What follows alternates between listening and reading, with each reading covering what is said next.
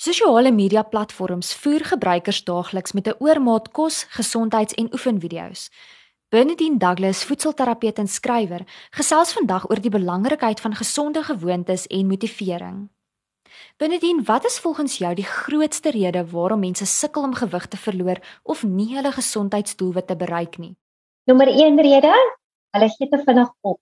Hulle het dalk 'n bietjie van 'n terugslag gehad die een week, die verloor soos wat hulle dink het hulle verloor nie, miskien dalk net 'n halwe kilo verloor of net 'n 800 gram, dan raak hulle onmiddellik gedemotiveerd en wat hulle tou in.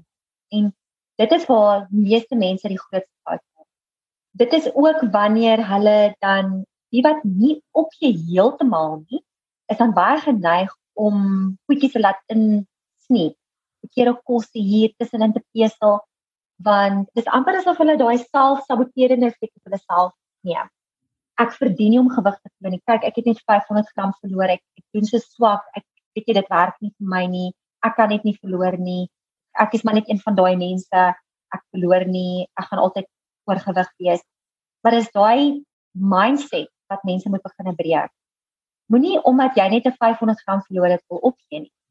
Dit beteken nie jy is sleg of jy kan dit nie doen nie. Dit beteken net jy het net 500 gram. Dit is beter as niks baie kere verloor mense glad nie. En dan wil hulle ook opgee, maar dit is juist wanneer hulle nie met opgee nie want ek skryf in my boek ook dat as jy van die wa afgeval het, onthou die lewe gebeur, daar gaan funksies wees. Ons ons nader jare en funksies nou. Jy gaan nie altyd beheer hê oor wat gekoste gaan bedien word wat kan ek sê ja, jy gaan dalk afval. Maar ek sê moenie staan vir die wa kyk terwyl hulle die sunset in cruise nie. Gaan jy hardloop kom so vinnig as wat jy kan in en jy spring dadelik terug op daai wa en jy gaan net aan. As jy nou vandag afgeval het, môre gaan ons net aan en ek dink baie mense se fout wat hulle maak is hulle bly net afval en dan verloor hulle sommer heeltemal die plot. Moenie dit doen nie want daai is jy kom jouself net bos ja van die dag. Hoe beïnvloed emosies jou behoefte om te eet en wat kan jy doen om 'n gesonde verhouding met kos te kweek? Ek dink die eerste ding is wat jy moet gaan onder selfondersoek instel is ek het geskryf in my boek uh, oor Renee Jones wat 'n TEDx talk gedoen het. Die link is ook in die in die boek. Wat sy gesê het is dat wat het in jou lewe gebeur dat jy kos gebruik om jou te kamper. Daar moes 'n uh kan ek sê significant event in jou lewe gebeur het wat jy hierdie kos was aan jou geïntroduce in daai oomblik van daai emosie en daai kos het van daai oomblik af jou kamper. Ek sit baie keer in die kantoor met my kliënte en dan sê ek kom ons connect gou die dot probeer terugdink. Wat is daai kos wat jy fisies as jy jou oë toemaak, jy kan dit voor jou sien, jy kan dit ruik, jy kan dit amper proe in jou mond, jy kan daai crispiness, daai smaak kan jy kry in jou mond, water net as jy oë toemaak en jy dink aan dit, jy raak fisies bewus daarvoor. En dit is ook die ding wat jy gewoonlik altyd soek as jy onder druk is en jy is emosie of jy's hartseer of jyself gelukkig. Hoe hulle gelukkigheid is ook 'n emosie, so jy wil kan seevier met kos as jy gelukkig is of jy 'n iets bereik wat amazing is en jy wil jouself nou reward met kos. En dis 'n spesifieke kos van wat gebeur is daai kos gee vir jou 'n dopamien 'n kick. Met ander woorde, hy stoot jou dopamien vlakke op wat jou feel good hormone sodat jy kan goed voel in daai oomblik. Maar dit hou nie lank aan nie, dan val jou dopamien en dan voel jy net eintlik slegter as wat jy voorheen gevoel het. Want nou eet ons ons binge eat met die comfort food want ons is nou uitgestres, hartseer of kwaad, nou vir hierdie voet vir 'n paar sekondes en dan dan voel jy eintlik nog slegter na die tyd. En buite van die feit dat jy jou emosies sag voel, het jy nog ehm um, die moontlikheid dat jy ehm um, vet gaan sodat jou vetsel is ook daar, want daai gewoonlik daai trooskos 99% van die tyd baie sleg of soos brood of sjokolade of so jy moet gaan kyk van watter ander alternatief is daar wat daai selfde effek op jou dopamien gaan hê. So byvoorbeeld vir my ek het in die boek geskryf, so ek my dots connected, my trooskos was popcorn gewees, popcorn wat jy sit in die pot. En ek sou maklik 'n pakkie van dit opgeet het in 'n dag. Met ander woorde, vir 'n hele pak, 100 gram pak opgeskiet in 'n dag, en as ek sit met bak en bak. En toe ek gaan die video van Renée gaan kyk het en ek het teruggedink, ek besef ek maar my suster wat oorlede is aan borskanker in begin 2000. Toe ek 'n jong dogtertjie was, skoolvakansie tot haar gaan kuier in Johannesburg. En wat vir my altyd die highlight van die vakansie was, het altyd flieks toe gevat. Daar's altyd 'n groot boks popcorn gekoop en altyd die batter skenkel op gooi. Dat jy mense luisteraars van water gaan nou, wonder gaan nou water wil dit nou hoor. Maar dit was daai dit was altyd 'n goeie gevoel en ek en sy het ons sit in 'n goeie verhouding. En elke keer as ek gespanne gevoel het of gestres geraak het, popcorn my gekamfer. Maar toe ek besef ek kan nie so aangaan nie want dit is betrong gesond en ek het wegpak aangesit en ek het toe by die gym gaan aansluit en ek het my 'n gesonde plaasvervanger gekry wat selfde effek op my dopamien gehad het. En ek sê vir jou Christa, daar's nie 'n dag in 'n week wat verbygaan wat ek nie by nie by gym kan kom. As ek 'n stresvolle dag gehad het, 'n moeilike dag gehad of 'n emosievolle dag gehad, gaan ek gym toe vir ure en 'n half en dan kry 'n oormaat van dopamien. En dit sit my onmiddellik in 'n goeie by. So vir die luisteraar, die belangrikste ding is identifiseer eers wat is jou comfort food en dan gaan kyk jy watter ander ding wat nie kos verband is gaan jy selfde effek op jou doen. Begin dit daai as jy plaas met trek. En elimineer en sny kos uit sodat jy beheer kan hê van jy moenie kos moet gebruik om jou goed te laat voel.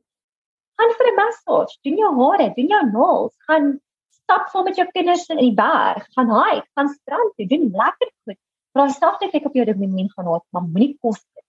Moenie eet al nie jy gestres.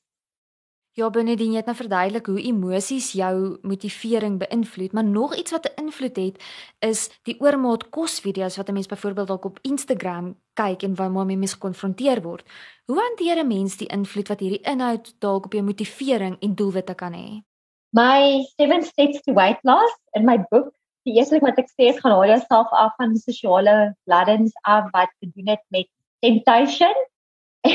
en en dit is so funny want meeste van my kliënte wat by my kom, hulle almal volg resepte groepies en dieetgroepies en volg hierdie platform en daai platform en dis alles goed wat teen hulle intensies om gesond te wil leef werk. So jy moet dit so sien. As dit nie op pop in jou social feed nie, dan kan jy nie getemp word En ongelukkig hmm. jou algoritmes op jou sosiale bladsy, byvoorbeeld Facebook, hulle sien wat se goed jy gaan search en wat jy soek. Resepte hier, resepte daar, dan wys hulle vir jou advertensies wat jou searches match. So jy moet sulke goedjies gaan, sulke bladsy gaan verlaat. Want dit is net so goed om ek gaan nou 'n stupid voorbeeld gee, maar 'n alkoholist gaan nie in die bar gaan sit, net daar sit en 'n glasie water drink en homself net nie. So dieselfde met jou weight loss jy kan nie op groepies gaan rondhang wat resepte het oor chocolate cake en jy weet jy's 'n suikertant en jy wil gewig verloor nie, want dit gaan daai trigger respons in jou brein en dit gaan jou heeltemal van fokus afbring want dit sit dit plant daai saadjie daai gedagte by jou oor hou se lus vir chocolate. Dit gaan die hele tyd by jou bly, bly, bly, bly tot jy gaan insien wat chocolate. My raad is as die sosiale bladdens nie jou gaan motiveer en gaan kan ek sê contribute tot jou intensies om gewig te verloor nie, dan verlaat dit eers.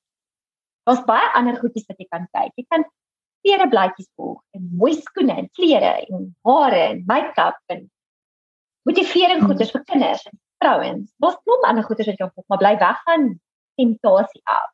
Benedien, my volgende vraag kan dalk effens sensitief wees, maar ek wil dit graag vir jou vra en by jou hoor wat jy dink sê nou maar jy volg 'n sosiale media beïnvloeder of soos in mense in Engels sê 'n influencer op Instagram en die persoon noem argumente onthulwe dat hulle 50 of 60 kg weeg.